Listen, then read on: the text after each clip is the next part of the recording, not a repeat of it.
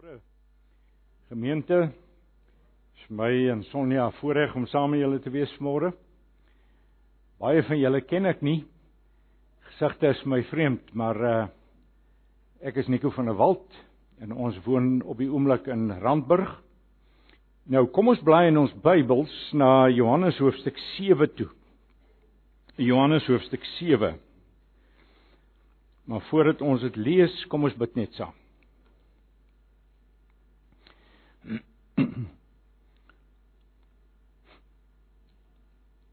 Onse Vader in die hemel. Ons aanbid U as die allerhoogste God van hemel en aarde. Die skepper en die oorsprong oorsprong van alles wat buite U bestaan. Die ganse heelal is werk van U hande. Ons is bevoorreg om in hierdie dae te leef sodat ons beter weet as vorige geslagte hoe ontsaglik, duiselingwekkend groot die heelal is. En dit word by die dag groter. En U is in beheer van alles, soewereine beheer. Maar dis nie net die groot dinge nie. U woord leer ons dat daar nie 'n haar van ons koppe op die grond val sonder u wil nie of 'n mossie op die grond nie. Waarlik ons aanbid u in die alwetendheid en in die almag en in die heerlikheid.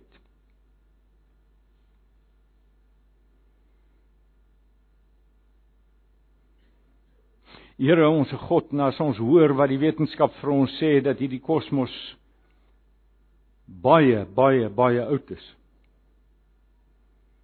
Dan herinner dit ons net weer dat U die ewige is. Dit herinner ons net weer dat U buite die dimensies van tyd lewe. Trouwens U is die adimensionele God. Gister en vandag en môre is vir U ewe bekend. U is ook nie gebonde aan die dimensies van ruimte nie en daarom kan U oral wees. Is U alomteenwoordig. Waarlik u het geen ontstaan gehad nie want u is die eerste oorsprong van alles wat bestaan. Geen ontstaan nie en u sal geen einde hê nie. Ons denke duisel as ons oor hierdie dinge dink.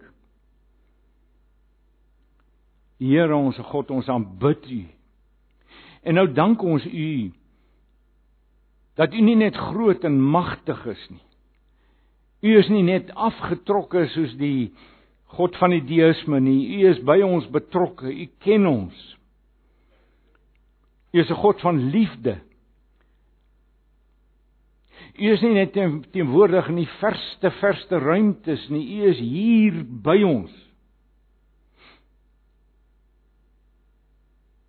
Ons aanbid U en ons put onuitspreeklike troos uit die feit dat U in liefde by u gemeente is en by u uitverkorenes is.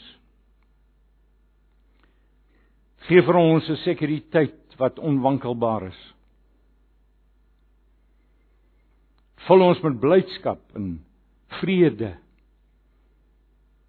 O Here ons God, ons aanbid u naam groot en heerlik en heilig en vol liefde in God van verbond. Ons dankie vir die Here Jesus Christus, u seun, die tweede persoon van die goddelike drie-eenheid. Ons groot profeet en priester en koning, die tweede persoon van die goddelike drie-eenheid wat mens geword het en onder ons kom woon het.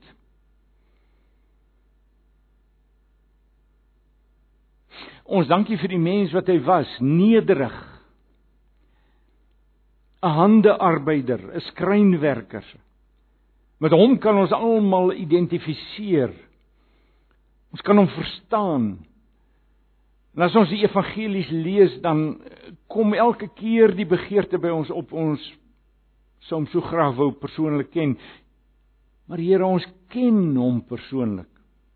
Weliswaar op 'n ander manier, maar ons dank U Here Jesus dat U vir Thomas gesê het, Thomas, jy het nou gesien en jy glo, maar salig is die wat nie sal sien nie en tog sal glo. Ons is van hierdie groep mense. Ons dankie vir die gawe van geloof. Ons dankie vir die sekuriteit. Ons dankie vir geloofsekerheid. Ons dankie dat ons kan weet wanneer ons tyd hier op aarde verby is, sal ons heen gaan en soos die misdadiger in die kruis sal ons saam met U in die paradys wees. O Here, gee vir ons 'n sekuriteit wat kosbaarder is as wat woorde kan uitdruk. En nou is ons môre saam as gemeente. Ons het mekaar lief. Ons hoort by mekaar want ons behoort aan U. Ons is deel van die huisgesin.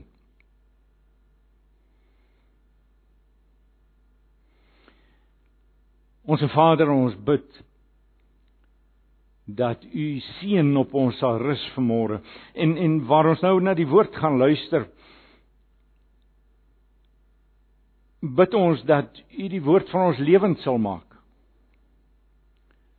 Dat U ons sal stig, sal opbou in die allerheiligste geloof sodat ons bietjie later huis toe sal gaan vol verwondering oor ons erfenis in Christus.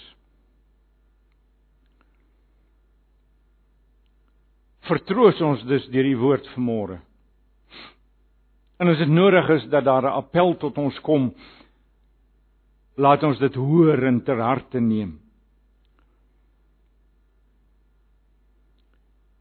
O Here ons God, laat U Heilige Gees nou vir my help, maar ook vir my broers en susters om te hoor. Bou ons op en verheerlik U self hier in ons midde. Baie dankie onsse Vader dat ons met die allergrootste vrymoedigheid hierdie dinge van U kan vra omdat ons in die naam van Jesus Christus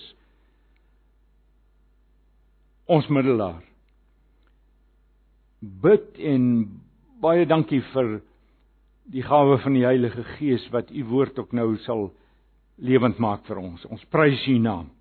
Amen. Nou ek vra dat julle saam met my sal bly na Johannes 7 toe. Die Evangelie van Johannes hoofstuk 7. Ons gaan net so 3 verse daar lees, bekende verse. Johannes 7 vers 37. Johannes 7 vers 37. Ek gaan sommer uit die ou vertaling uit lees. Sou jy enige van die vertalings kon lees? Maar kom ons lees die ou vertaling.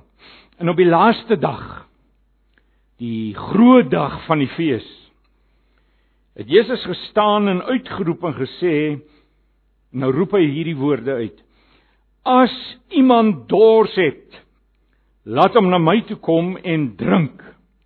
Hy wat in my glo, Soos die skrif sê, strome van lewende water sal uit sy binneste vloei.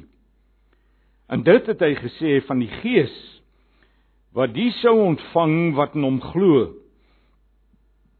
Want die Heilige Gees was daar nog nie. Bedoelende hy was nog nie uitgestort soos op die Pinksterdag uitgestort sou word nie. Omdat Jesus nog nie verheerlik was nie. Kom ons blaai net vinnig as jy wil, dit maak nie saak. Hou julle Bybels asseblief oop hier by Johannes 7 want ek gaan so 'n bietjie uit die teks uitwerk. Maar ehm uh, en ek gaan spesifiek dan nou na Johannes 7 verwys. Maar kom ons blaai gou na Eksodus 17 toe. Dis die tweede boek van die Ou Testament vir die van julle wat nie weet. Ek praat nou met die kinders. Eksodus 17 vers 1 tot 7. Ek lees maar weer die ou vertaling. Eksodus 17 vers 1 tot 7. Daarop het die hele vergadering van die kinders van Israel volgens die bevel van die Here van plek tot plek uit die woestyn sin getrek en laar opgeslaan in Rafidim. En daar was geen water vir die volk om te drink nie. Toe twis die volk met Moses en sê: "Gee julle vir ons water om te drink." Maar Moses antwoord hulle: "Wat twis julle met my? Waarom versoek julle die Here?" Maar die volke daar gesmag na water en die volke teen Moses gemurmureer en gesê: "Waarom het U ons dan uit Egipte laat optrek om my en my kinders en my vee van die dors te laat omkom?" En toe het Moses die Here aangeroep en gesê: "Wat moet ek met hierdie volk doen? Dit skeel maar min of hulle hulle stenig my." En die Here het Moses geantwoord: trek volgens die trek voor die verskoon my trek voor die volk uit en neem van die oudstes van Israel met jou saam en neem jou staf waarmee jy die Nyl geslaan het in jou hand en gaan weg. Kyk ek sal daar voor jou by die rots op Horeb staan. En dan moet jy die rots slaan en daar sal water uitkom dat die volk kan drink. En Moses het so gedoen voor die oë van die oudstes van Israel. In die plek Massa en Meriba het hy dit genoem vanweë die twis van die kinders van Israel en omdat hulle die Here versoek het deur te sê is die Here in ons midde of nie. En net 'n laaste skrifgedeelte, 'n enkele vers uit 1 Korintiërs 10. 1 Korintiërs 10 vers 4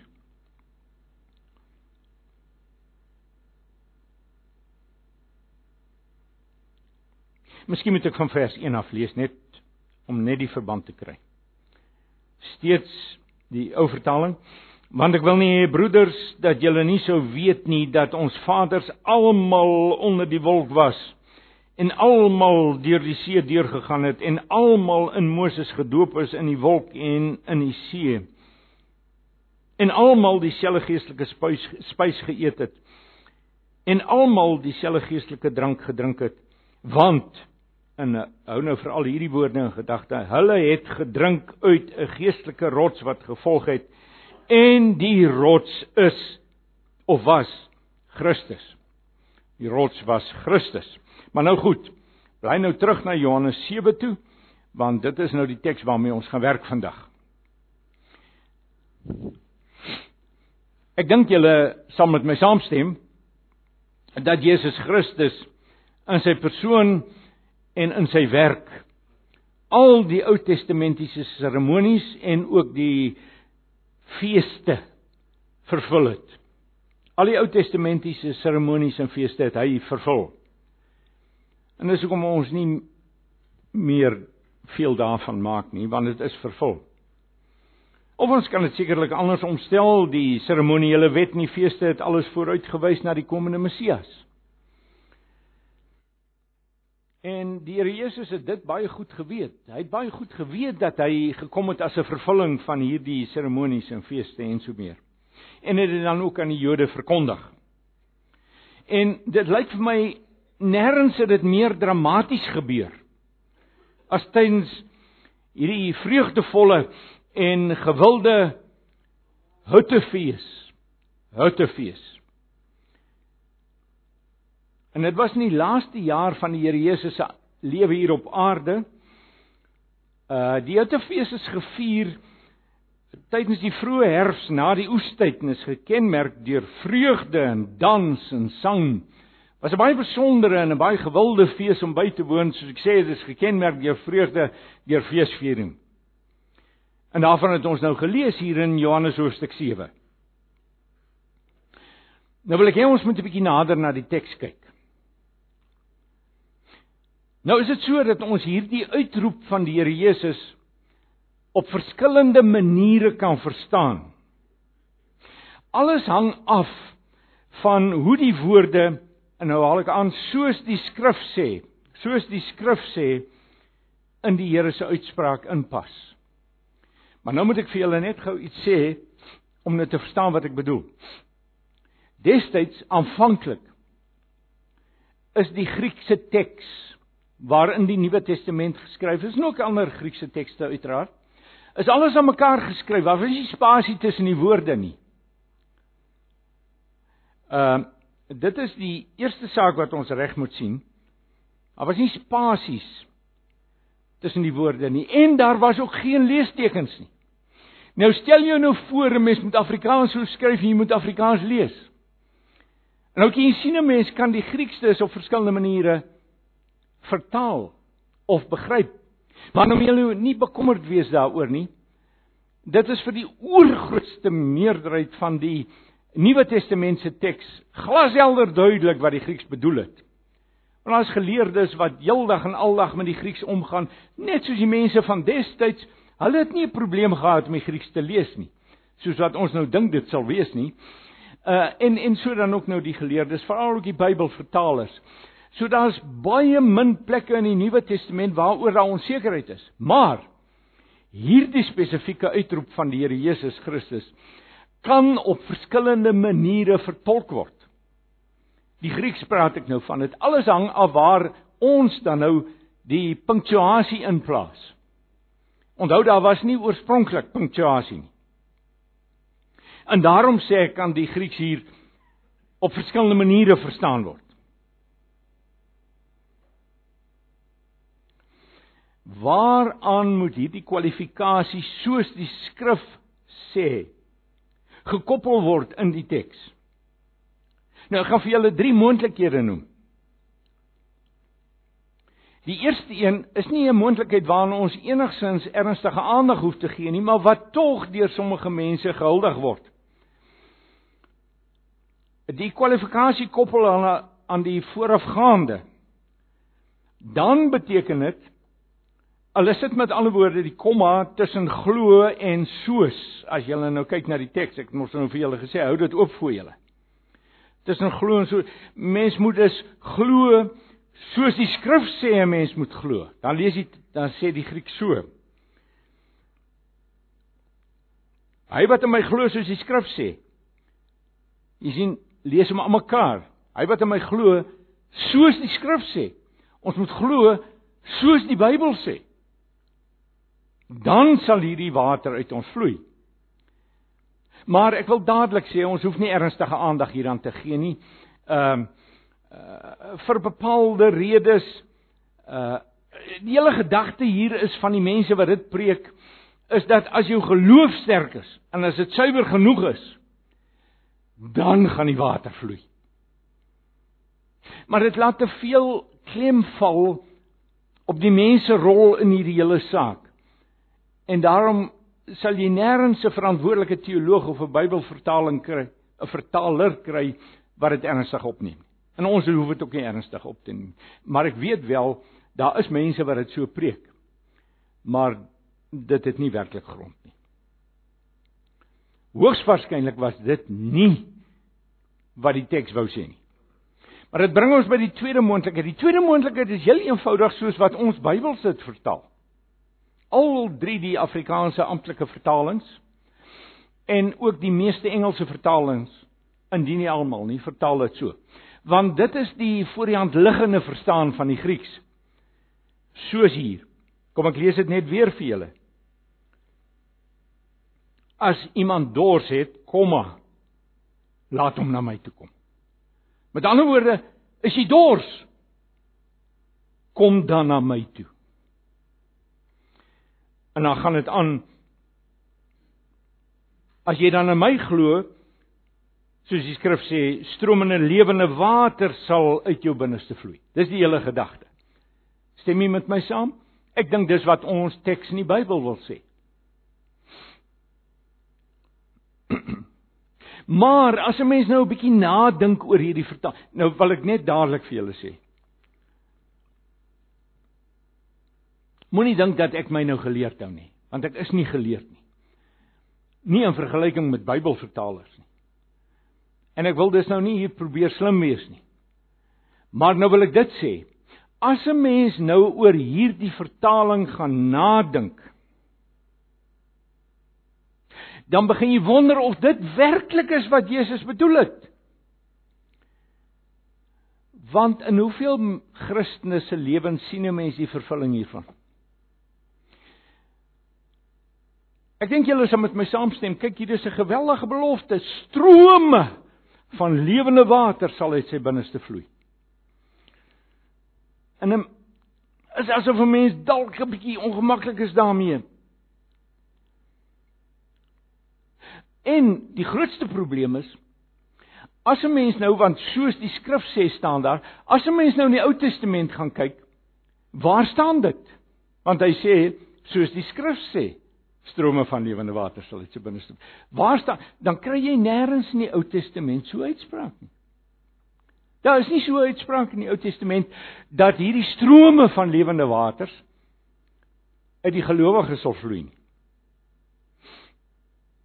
Nou, ja natuurlik was daar nou al pogings om dit te verduidelik en en en en laat ek net weer dadelik vir u sê, laat dit ver van my wees. Ver van my wees om my te distansieer van enige amptelike vertaling of enige geleerde wat besig is met Bybelvertaling. Ek wil nie dit hierdie indruk vir julle gee nie, maar ek wil wel vir julle sê.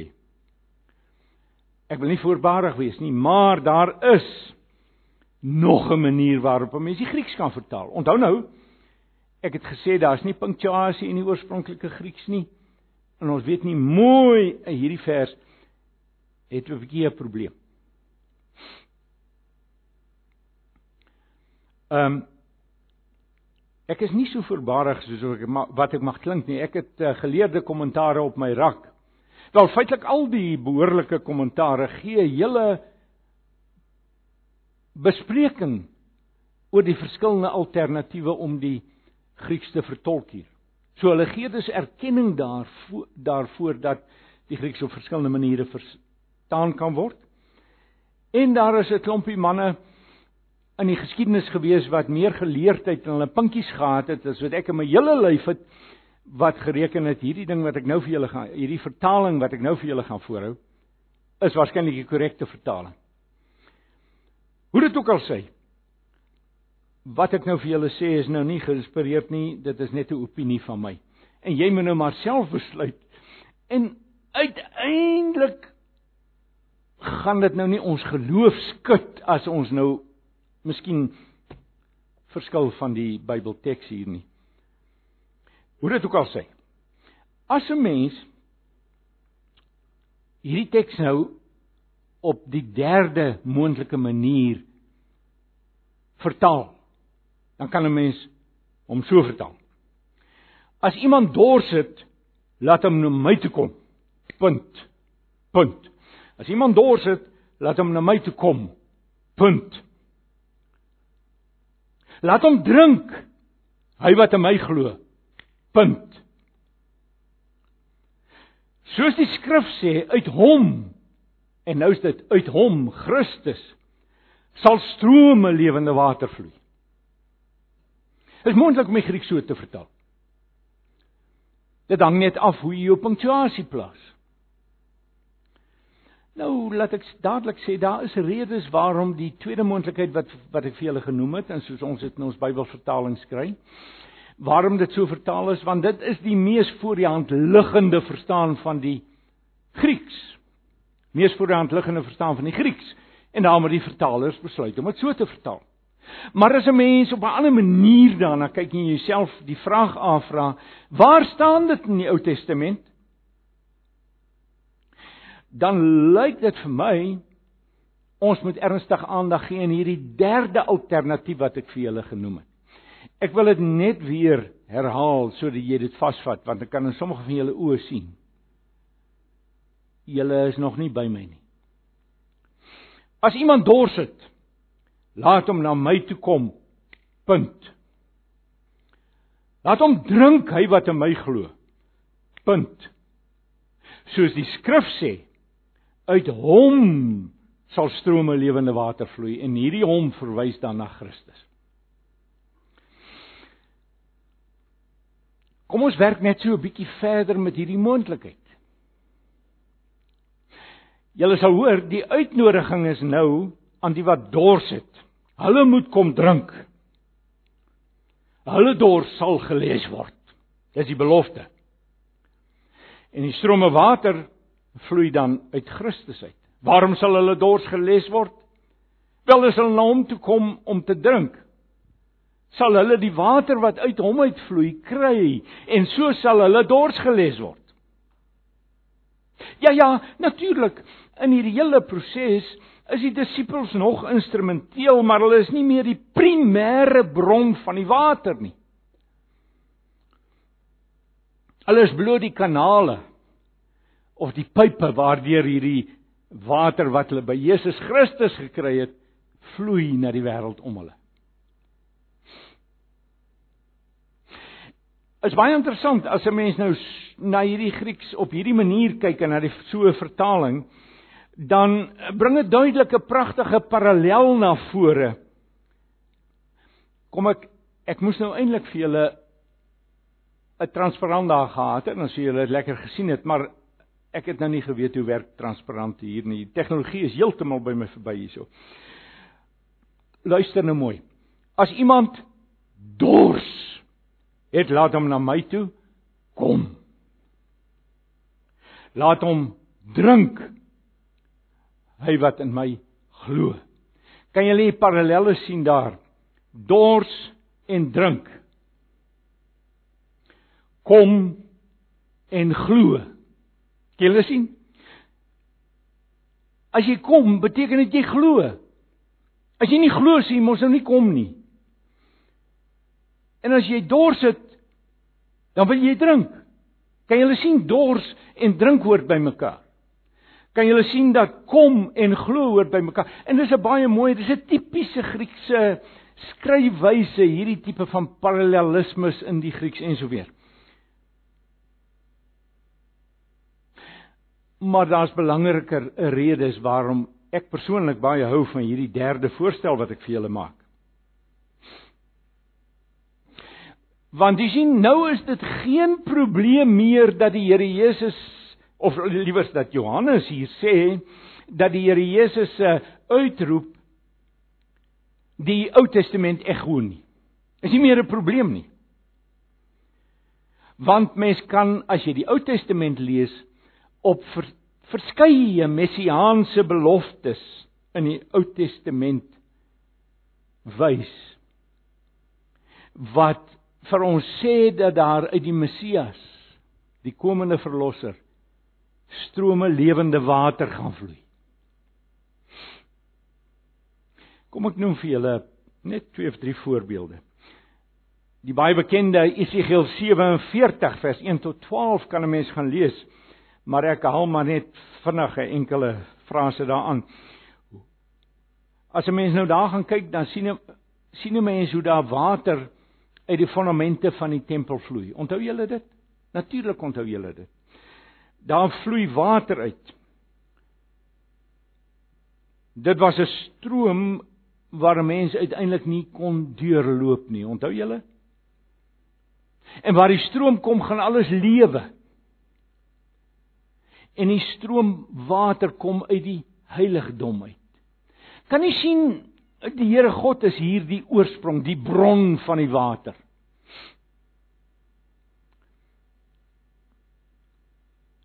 So daar is dis lewende water wat uit die Here God uitvloei na die nasies toe. 'n Ander voorbeeld Sagaria 13 vers 1. Ek haal net aan hier. Daardie dag sal daar 'n fontein oopgemaak word om die koningshuis van Dawid en die inwoners van Jerusalem te reinig van hulle sonde en hulle vuilheid. Is hulle fontein oopgemaak word. Weereens by die Here God.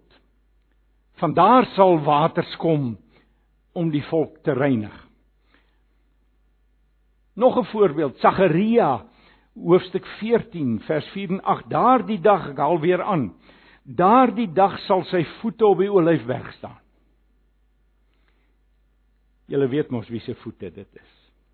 Die Messias. En in die dag sal daar lewende waters uit Jerusalem vloei. 1/11 na die see in die ooste toe en 1/11 na die see in die weste toe, somer en winter. Weereens sy voete sal op die olyfberg staan. En daar sal waters vloei. Na die ooste toe en na die weste toe.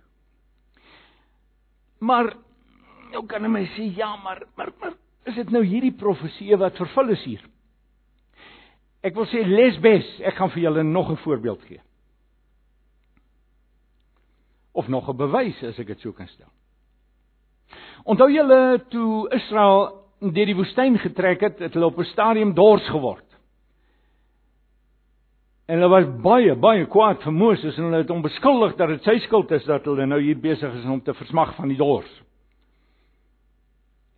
En toe die Here vir vir uh, Moses gesê, "Vat jou kierie en gaan slaan daai rots en daar sal water uitkom." Eh, ek praat van Eksodus 17 vers 1 tot 7. Eksodus 17 vers 1 tot 7. Ons kry later in die later in die uh, woestynreis nog so 'n uh, uh, uh, uh, situasie in Numeri 20 vers 7 tot 11 lees ons dit. Onthou julle dis toe Moses met die rots moes praat, maar toe hy in sy ergerlikheid die rots gaan slaan. En as een groot rede waarom hy nie Kanaan binne is nie, maar die Here het in sy genade in elk geval die rots laat oopbreek en laat weer water uitgevloei. So dit was 'n ding wat sterk voorop was in die gemoedere van die Joodse volk dat uit hierdie rotse water gevloei het vir die volk in die woestyn. Maar nou wat nou interessant is en betekenisvol is, in die Nuwe Testament gaan die apostel Paulus en hy verwys terug na hierdie gevalle van water wat uit die rots gevloei het in 1 Korintiërs 10 vers 4 wat ons gelees het nê daar sê hy uitdruklik dat hierdie rots was Christus. En nou onmiddellik kan ons die verband trek tussen die Ou Testamentiese gebeure en Jesus se lewe hy is geslaan toe hy gekruisig is hy's geslaan deur die toorn van God om ons sonde te verwyder en ons straf te betaal.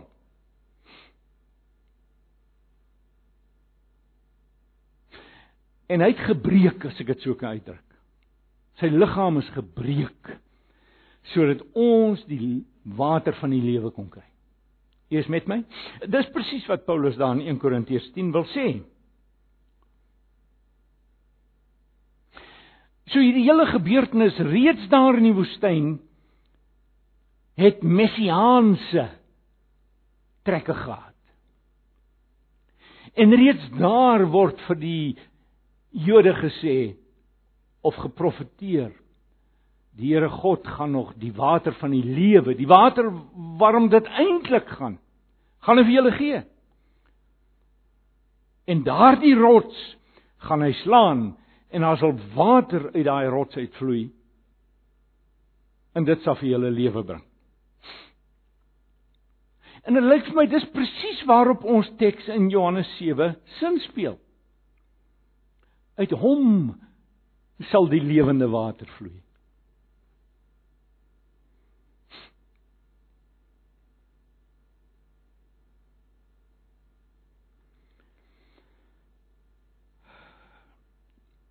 Maar nou wil ek terugkeer na die fees toe.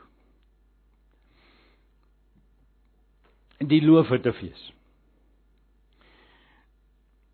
Dit word algemeen deur skrifverklaarders aanvaar dat hierdie uitroep van die Here Jesus self op 'n baie strategiese moment van die Joodse feesplaas gevind het. Nou uh Kyk dan was daar was drie groot feeste in op die Joodse kalender destyds gewees behalwe die Loofhuttefees was daar die Paasfees in die begin van die Joodse nuwe jaar en dan was die Pinksterfees 50 dae later. En nou as jy al onmiddellik weet net so goed so wat ek hier staan dat beide hierdie feeste, die Paasfees en die Pinksterfees het wonderlike vervulling gehad in die Nuwe Testament, né? Die Paasfees het vooruit gekyk na die kruisiging van Jesus Christus. Ek dink dit is belangrike goed hierdie broers en susters. Ek dink so.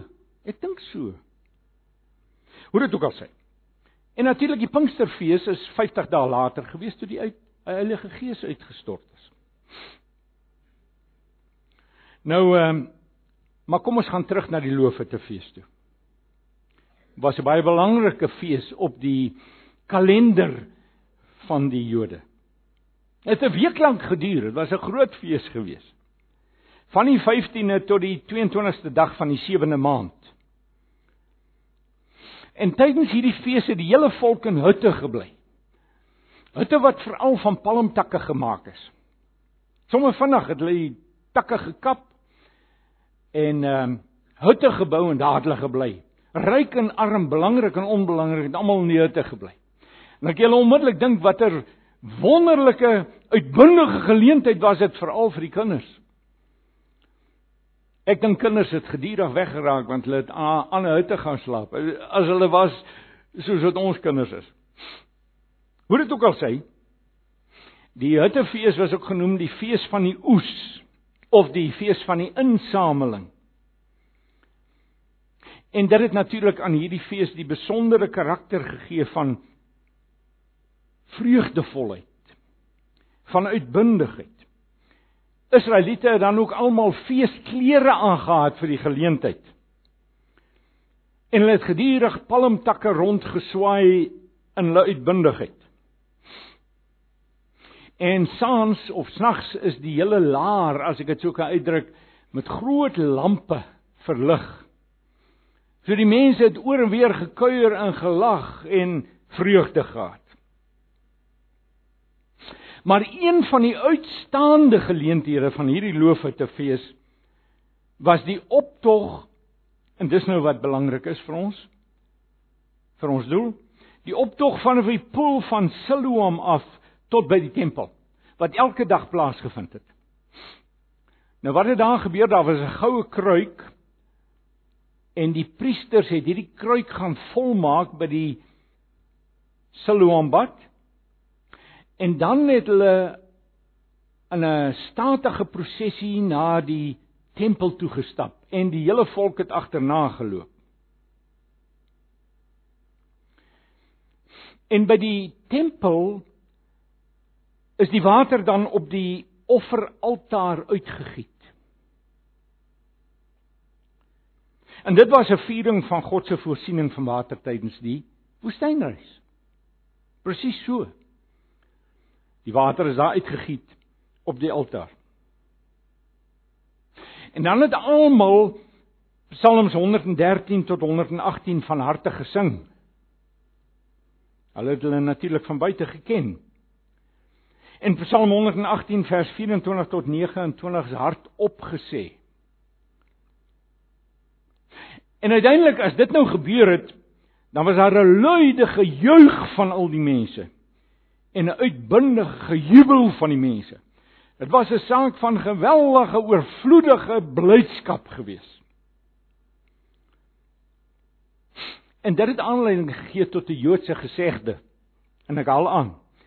Hy wat nog nie die volk se gejuig en uitbundigheid by die tempel beleef het nie. As die water van Siloam voor die aangesig van die Here uitgegiet is, ken nie blydskap nie. En hy ken ook nie lofprysing nie. Dit was 'n 'n belangrike moment op die Joodse kalender en in 'n sin was hierdie die hoogtepunt gewees van daai hele fees. Trouwens, die eintlike hoogtepunt was op die sewende dag. Dan het presies nou weer so gebeur behalwe dat voordat die water uitgegiet is, het die priesters ook rondom hierdie bad en ek ons weet nou nie presies nie, maar ek neem aan rondom die skare mense ge, marcheer as dit die regte woord is, het hulle gestap. Ehm um, sewe maal omgestap. En dan was die mense doodstil. Dit was 'n baie waardige paar minute daai voordat hulle uiteindelik na die sewende omwenteling die water gaan uitgiet het op die altaar. En dan het die mense meer gejuig as ooit van tevore daai week met 'n uitbundigheid wat boekdele gespreek het. Nou hierdie betrokke dag, hierdie sewende dag, lees ons in die skrif was die Here Jesus ook tussen die skare. Heel uh stil en eenvoudig en ek weet nie hoeveel mense dit om herken eers nie. En dit was so stil dat jy 'n speld kon oorval terwyl die priesters om die altaar en miskien die hele skare mense marseer. Jy kon 'n speld oorval. En op hierdie gewyde moment byer daar skielik eensklaps 'n man stem klokhelder. As iemand dors het, laat hom na my toe kom. Laat hom drink hy wat glo. Soos die skrif sê uit hom onthou hy al aan uit hom. Hy sou kon sê uit my, maar hy doen dit nie, hy haal aan uit die Ou Testament, uit hom sal strome lewende water vloei. En hy verwys natuurlik nou na die Christus, na die Messias. Uit hom, die Messias, sal strome van lewende water vloei. En 'n mens kan jou die effek op die skare indink, nê? In hierdie stil gewydheid. Skielik hierdie stem wat klokhelder uitbeier. En sekerlik onder die skare was daar begenadigdes wat die messiaanse gesag van die uitroep erken het. En talle van hulle sou daardie dag en daardie gebeurtenis nooit vergeet het nie. Was geweldig dramaties. Die tyd is absoluut reg gekies. En dis wat daar gebeur het. By hierdie betrokke loofe te fees. Nou wat sê dit vir ons? Vinnig, ek maak klaar. Die bevele in die vertalingsmoontlikheid, die derde vertalingsmoontlikheid wat ek net nou vir julle voorgehou het, laat hom kom en laat hom drink wil in die Grieks be beklemtoon die Grieks is daartoe in staat die taal om te beklemtoon dat 'n handeling weer en weer en weer moet gebeur. Dis 'n bepaalde werkwoordstyd en dis presies die werkwoordstyd wat die Here Jesus hier gebeur of wat Johannes gebruik. Eintlik wat die Here Jesus gebruik het en wat Johannes neergeskryf het. Wat dit dus sê is Jy kan nie te dikwels kom nie. Jy kan weer en weer kom. Jy kan dag na dag kom drink. Kom weer, kom weer. Kom môre ook weer. Hou aan kom. Jy sien, dis die hele gedagte. Dis wat die Grieks daar wil sê. Voorts, daar's geen gevaar dat hierdie water gaan opdroog nie. Broers en susters, ons is nou by die toepassing. Dit dit word nou vir ons gesê. Kom weer en weer. Is geen gevaar dat hierdie water sal opdroog nie. Want daar is strome lewende water. As genoeg vir almal. Dis 'n rivier wat net al hoe dieper en al hoe breër raak, Jesegiel 47. Soos wat die kerk van die Here Jesus groei oor die hele wêreld van Japan af tot by Kanada van IJsland af tot by Nieu-Seeland in die woestyne en in die stede en die oerwoude oral is daar vandag Christene en hulle word net meer en meer en meer en meer. Ja ja. Ons hoor nie daarvan oor die nuus nie. Ons hoor nie in die aand 7 uur op televisie hiervan nie.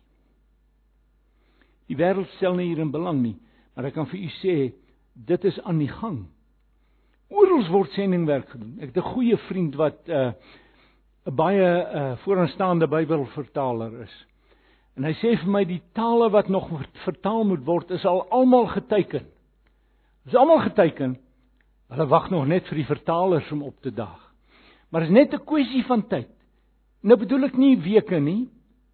Is waarskynlik dekades want dit vat 20 jaar of wat ook al om 'n Bybel tot 30 jaar om 'n Bybel te vertaal. Ons praat nou nie hier van kort tydjies nie. Maar histories gesproke is ons op die drempel van die dag wat elke taal in hierdie wêreld, elke noemenswaardige taal, 'n Bybel in daardie taal sal hê. En daar kom duisende mense oor die wêreld heen vandag tot bekering. Hierdie einste vriend van my wat eh, die vooraanstaande Bybelvertaler is, ek weet nie of dit waar is. Ek weet nie hoe betroubaar dit is nie.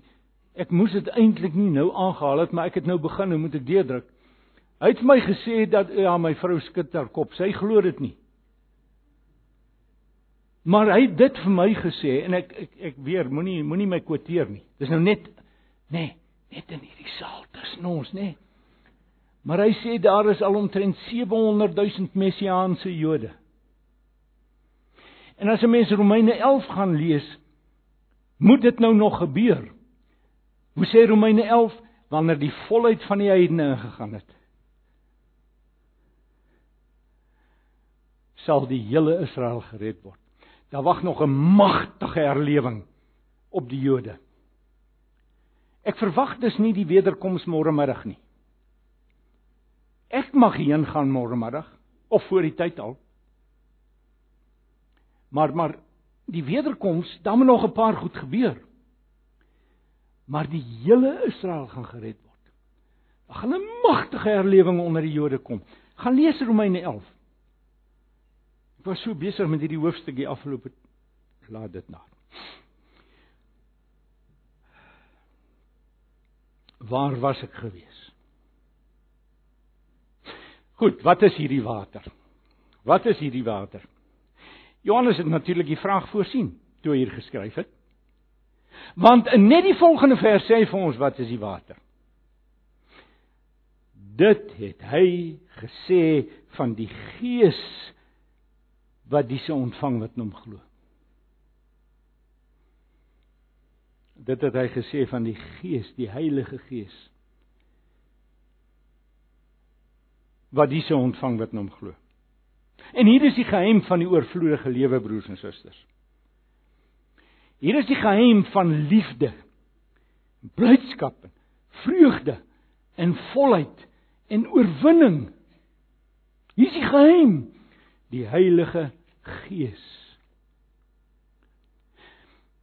Kom ons neem 'n besluit. En nou is ek baie ernstig.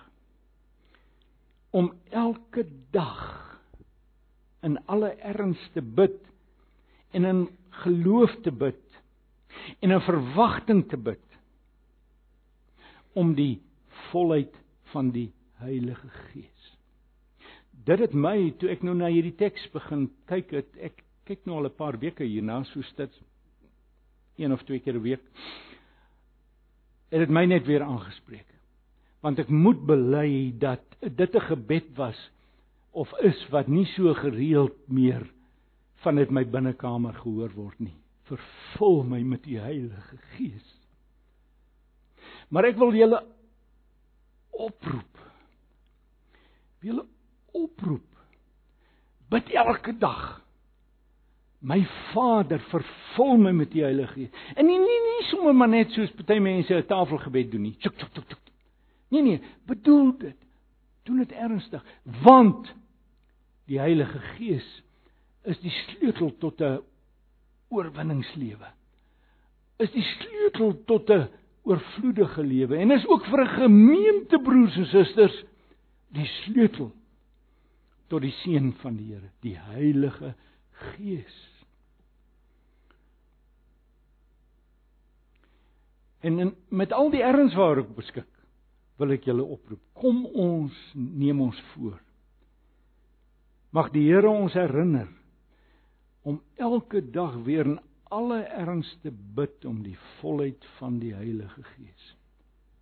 Waarom het die Pinksterdag gelyk soos hy gelyk het? Waarom het dit so gegaan 3000 wat tot bekering gekom het? Waarom in die vroeë kerk kort daarna sê daar was toe nou 5000 gelowiges? Waarom? Waarom? Die Heilige Gees.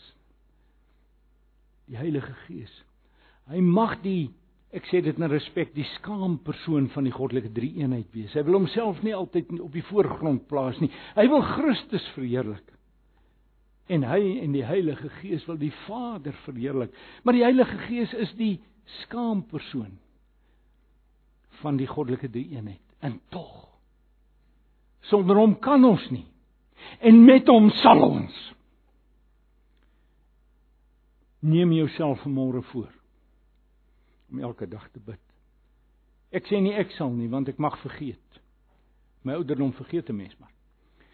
Maar ek het my voorgenem, Here, help my onthou om te bid om die volheid van die Heilige Gees. Sekerlik was baie van die Here Jesus se oorders op daai loofete fees teenwoordig op die Pinksterdag toe die Gees uitgegiet is. Dit was kort daarna, was 'n maand of 2 wat hoe lank daarna.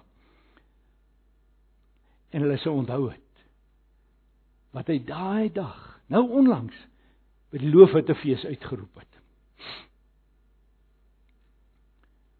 En stel jou voor, 3000 mense kom tot bekering.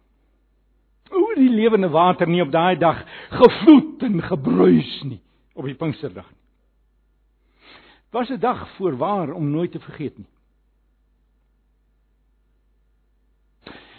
En broer en suster, ek is amper klaar. Moenie dink jy is te waardig om deur die Here gebruik te word nie. Hy hy gebruik nie vir almal van ons op dieselfde manier nie. Ons het verskillende gawes van die Gees. Hy gebruik nie almal van ons tot dieselfde graad nie. Nie enige een van ons het die potensiaal om 'n George Whitfield te word nie of 'n Spurgeon nie of wat ook al nie. Nee nee nee. Maar die punt is hy kan en hy wil en hy sal jou gebruik as jy vol is van die Heilige Gees.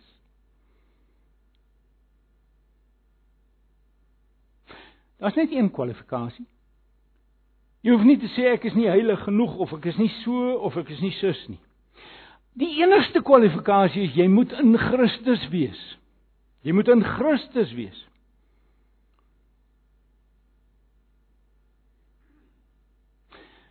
Mag ek die van julle wat miskien baie nederig voel voor die Here.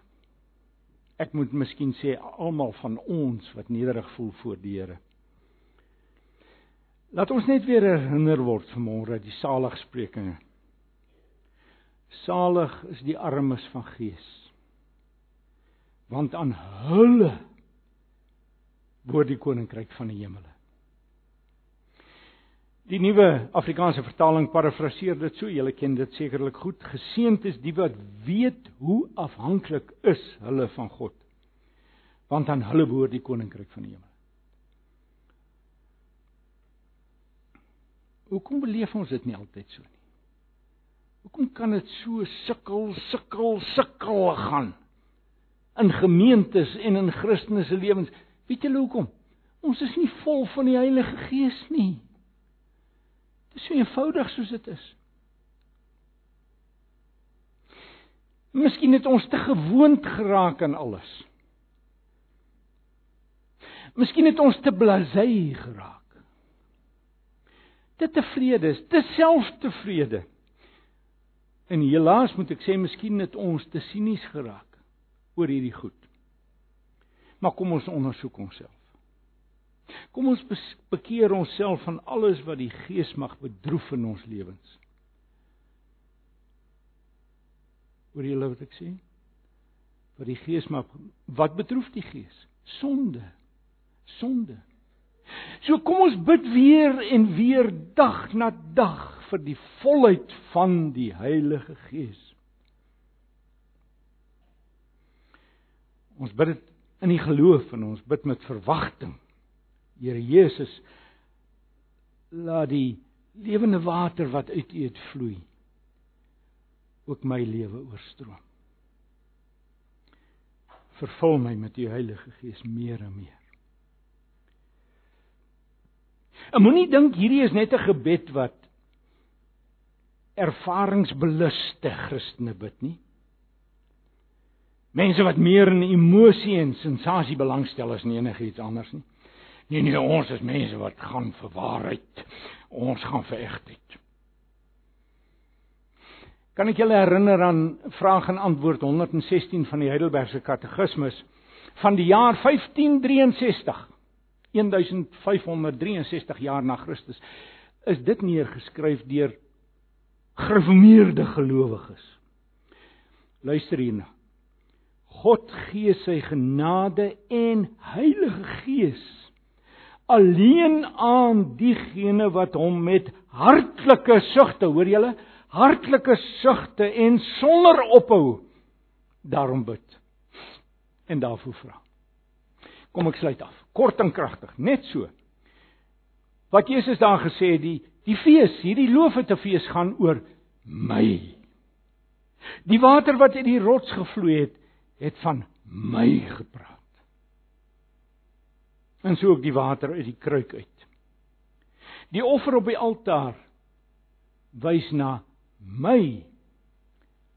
Die water wat ek vir julle sal gee is beter as die wat uit die rots gevloei het, beter as deur die kruik. Ek is die water wat ewige lewe gee. Mense se dors op onhoudelik les en ewige vreugde gee.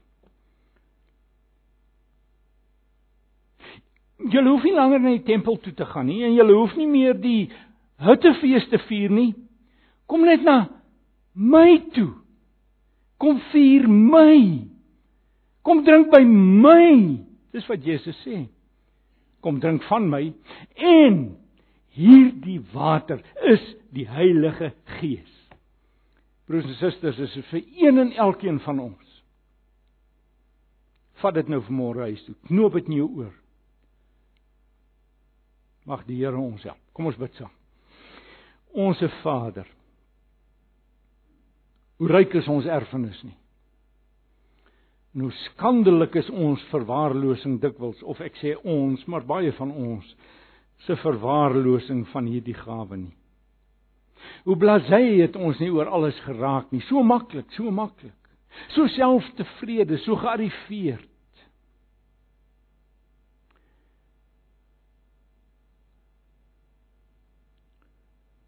Ek bid vanmôre in die naam van Jesus Christus dat hierdie gemeente sal vervul met u Heilige Gees. Ek bid dat u my sal vervul met u Heilige Gees en dat u elkeen van my broers en susters hier sal vervul met u Heilige Gees. Al sou die water dan nou nie uit ons vloei nie, ons wil ten minste fore wees, ons wil pype wees deur wie hierdie water sal vloei na die wêreld. Doen dit tog ter wille van die verheerliking van U naam. Here baie dankie dat ons hier kon saam wees vandag. En ons vra nou dat die seën van die Here en die genadige inwerking van die Heilige Gees die vrede wat u gee wat alle verstand te bowe gaan op elke broer en suster in hierdie gemeente sal rus. Van nou af en in die week wat voorlê en in die dae en die jare wat voorlê. Verheerlik U self in ons midde, Here. Amen.